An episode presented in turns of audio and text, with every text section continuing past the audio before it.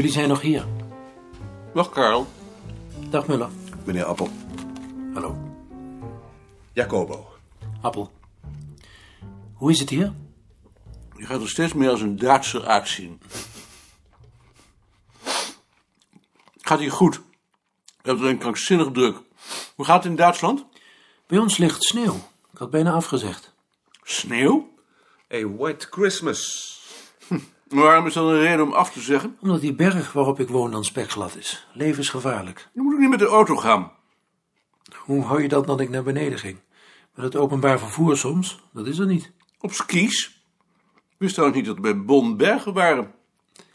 Dan moet je nou maar eens goed op de kaart kijken. Eh, ik bedoelde eigenlijk op je werk. Dat gaat wel goed. Ik krijg alleen steeds meer studenten, maar geen personeel. Dus ik werk mijn ongeluk. Wordt bij jullie dan ook al bezuinigd? Meer dan bij jullie, denk ik. Ook goedemiddag. Dag Karst. Dag Muller. Dag, meneer Buitenrust Hettema. Hé, hey, Algeblas. Dag Hettema. Dag, Appel. Is de vergadering hier? Nee, beneden in de collegezaal. Ik ben net voorstellen om daar maar eens naartoe te gaan.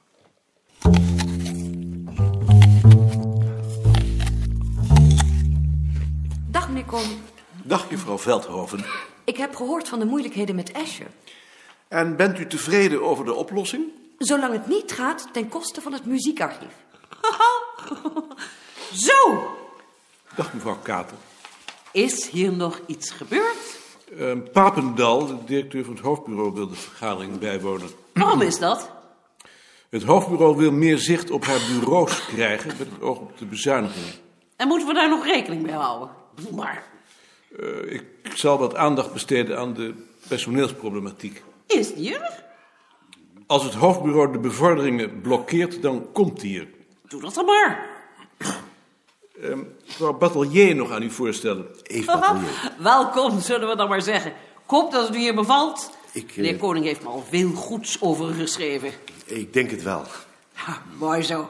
Kijk eens, daar hebben we meneer Papendal. Welkom, zeg je dan. Bedoel maar. Dag mevrouw de voorzitter. En meneer Balk hoef ik niet te begroeten. Dag mevrouw de voorzitter.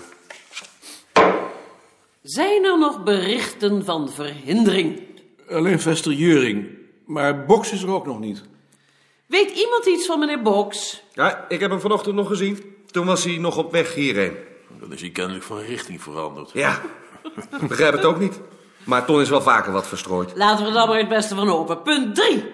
De notulen van de vorige vergadering. Iemand iets op bladzij 1. Bladzij 2. Bladzij 3. Bladzij 4. Bladzij 5. Niemand? Iemand iets naar aanleiding van de notulen? Ook niemand? Dan zijn de notulen aangenomen. We danken de secretaris. Punt 4. Mededelingen van de voorzitter. Nou, Je hebt er niets ingezet over je boek over de wanden. Eh, Dat staat in het jaarverslag. Zoiets hoort nu ook in de mededelingen van de voorzitter. Je hoeft er niet voor te schamen. Het is een prachtig boek. Hoogtepunt. Mevrouw de voorzitter, ik wil dat graag onderstrepen. Ik betreur het alleen dat de secretaris er geen proefschrift van gemaakt heeft. Daar sluit ik me graag bij aan, mevrouw de voorzitter. En als voorzitter van de publicatiecommissie van de Boerenhuisclub kan ik er nog aan toevoegen dat wij er zeer mee ingenomen zijn dat wij het hebben mogen publiceren. Oh, je hoort het. Waarom heb je er geen proefschrift van gemaakt? Dat is niet bij me opgekomen. En als het nu wel eens bij je was opgekomen?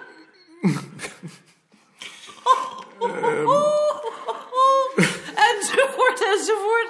Maar wat hij wel meedeelt, is dat hij benoemd is tot corresponderend lid van de Vlaamse Commissie voor Volkscultuur. Ja, maar Is dat iets anders dan correspondent? Jazeker. Mevrouw de voorzitter, ik kan dat beamen, want ik ben zelf ook tot corresponderend lid gekozen. Met nog een aantal anderen. Ja, Bouwzinger bijvoorbeeld. U ziet het, het zijn niet de eerste de besten. Ik kan daar nog aan toevoegen dat we benoemd zijn omdat de Walen ook corresponderende leden hebben benoemd. En dat het allemaal nogal raar is gegaan. Sta Spijker. Er is geen correspondentie aan te pas gekomen. Die man die mij een brief had moeten schrijven, is dat vergeten. Ik heb het toevallig gehoord van Jan Nelissen. Ik ook. Kortom, een echte Belgische procedure. Dat wel, ja, zeg dat Kom, wel. kom, niet generaliseren. Mevrouw de voorzitter, mijn verontschuldigingen. Ik verkeerde ten onrechte in de veronderstelling dat de vergadering pas om twee uur begon. Meneer Boks, punt 8 van de agenda. Mededelingen over de werkzaamheden op de afdeling. Ga je gang. Dank u wel. Ehm, als u mij toestaat, dan zou ik in de eerste plaats wat willen zeggen over de personeelsproblematiek. Ook omdat meneer Papendal hier nu is en het mij van beslissend belang lijkt voor het functioneren van de afdeling.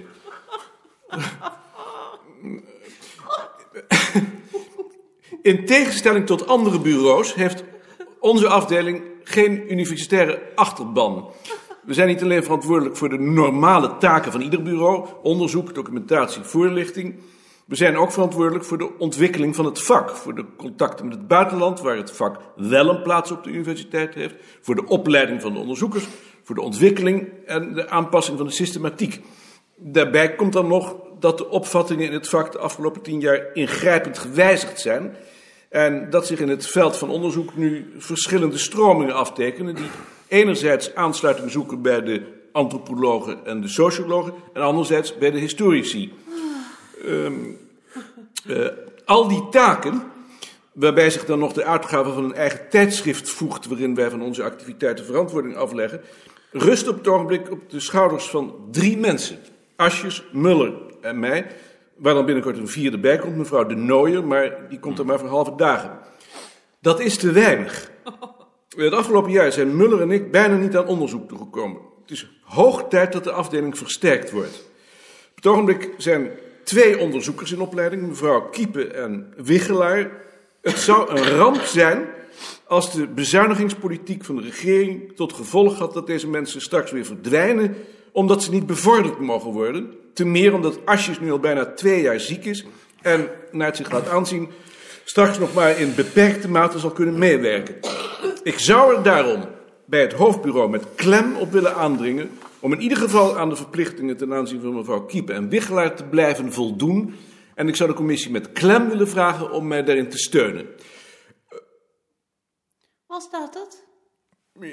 Ja, dat was het. Wie mag ik het woord geven? Meneer Papendal? Eh, Nee, nee, mevrouw de voorzitter. Ik ben hier alleen als toehoorder. Betekent dat dat u niets kunt zeggen? Op dit ogenblik liever niet. Meneer Stelmaker. Ik begrijp één ding niet in het betoog van de secretaris, mevrouw de voorzitter. Als de heer Asjes, zoals de secretaris zojuist heeft meegedeeld, al twee jaar ziek is en er is geen uitzicht op volledig herstel, waarom wordt er dan geen procedure in gang gezet om hem te laten afkeuren, zodat er in zijn plaats een ander kan worden aangesteld? Ik kan niet namens het hoofdbureau spreken, maar ik kan me toch wel voorstellen dat het hoofdbureau daar geen bezwaar tegen zal maken. Is dat de oplossing? Nee, als Asjes niet zelf te kennen geeft dat hij wil worden afgekeurd, dan werk ik daar niet aan mee. Maar zoiets kunt u toch niet aan de mensen zelf overlaten? Daar bent u toch verantwoordelijk voor? Ik ben in de eerste plaats verantwoordelijk voor mijn mensen. Maar u staat toch niet aan het hoofd van een sociale werkplaats? Als u dat zo wilt formuleren, dan sta ik inderdaad aan het hoofd van een sociale werkplaats. De mens staat centraal. Dat dient toch voorop te staan? Naar mijn mening dient het belang van het instituut voorop te staan. Het een sluit het ander niet uit. Bedoel maar. Maar zachte heelmeesters maken wel stinkende wonden. Dat zullen we dan wel weer zien. Ik stel voor om nu eerst de secretaris zijn betoog te laten afmaken. Ik heb hier eigenlijk niets meer aan toe te voegen.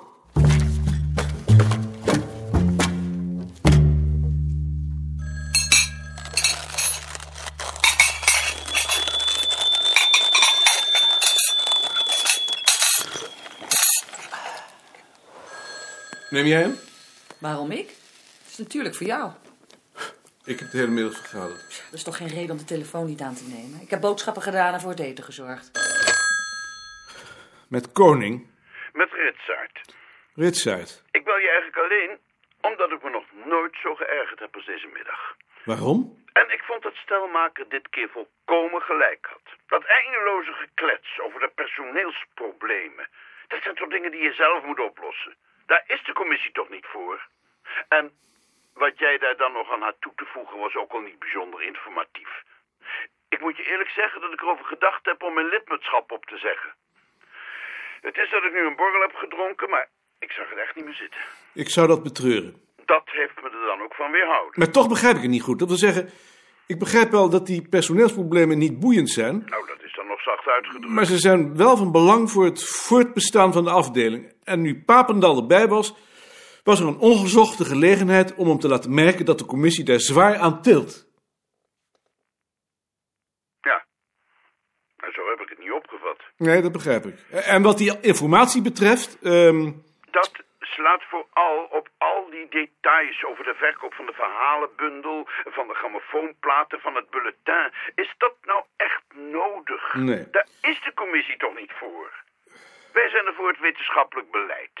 En daar hoor ik niks over. nee, dat vind ik moeilijk in zo'n heterogeen gezelschap. Ik denk ook niet dat een van jullie daar iets zinnigs over zou kunnen zeggen. Daarvoor is het ingewikkeld. Het is vooral tactiek, maar daarvoor moet je het veld kennen. Het enige wat jullie kunnen doen is controle achteraf. Je kunt me uitleg vragen over wat ik geschreven heb, maar dat moeten jullie doen. Dat kan ik jullie toch niet voorlepelen? Nee. Nee, eh, als je het zo stelt, dan kan ik daar wel in komen. Ik begrijp wel dat het voor jullie niet leuk is, maar voor, voor mij zijn jullie niet meer dan een stuk vlees met een titel. Jullie moeten mijn afdeling in de ogen van Papendal status geven. Verder interesseren jullie me niets als commissie dan. Zo. Zoals ik op mijn beurt voor Vester Juring en Elko Dreesman een stuk vlees ben. En in mijn geval dan nog zonder titel. Je moet daarmee leren leven. Ja, nou, je hebt gelijk. Vergeet het maar, maar ik moest het even kwijt. Waarom zou ik het vergeten? Ik neem het je niet kwalijk. Nee, het, het is al in orde. en doe vooral ook de goed aan je vrouw. Dank je. Wat was dat? Van der Land heeft zich geërgerd aan de vergadering. Wat is er dan gebeurd?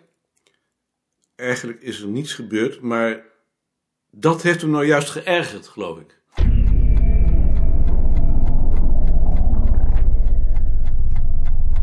Midden in de nacht werd hij wakker van het gebrom van een vliegtuig. Het geluid zwol aan. Hij luisterde ademloos, bang dat het zou afbreken. Het herinnerde hem aan de oorlog. Daarna dacht hij aan de commissievergadering en aan het telefoongesprek met Van der Land. Wat had hem in godsnaam bezield? Hij zag de hoofden van de heren rond de tafel voor zich. Ween zullen weer teuten. Alle.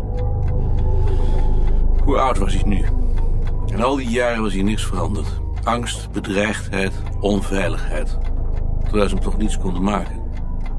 Maar het zat in hem.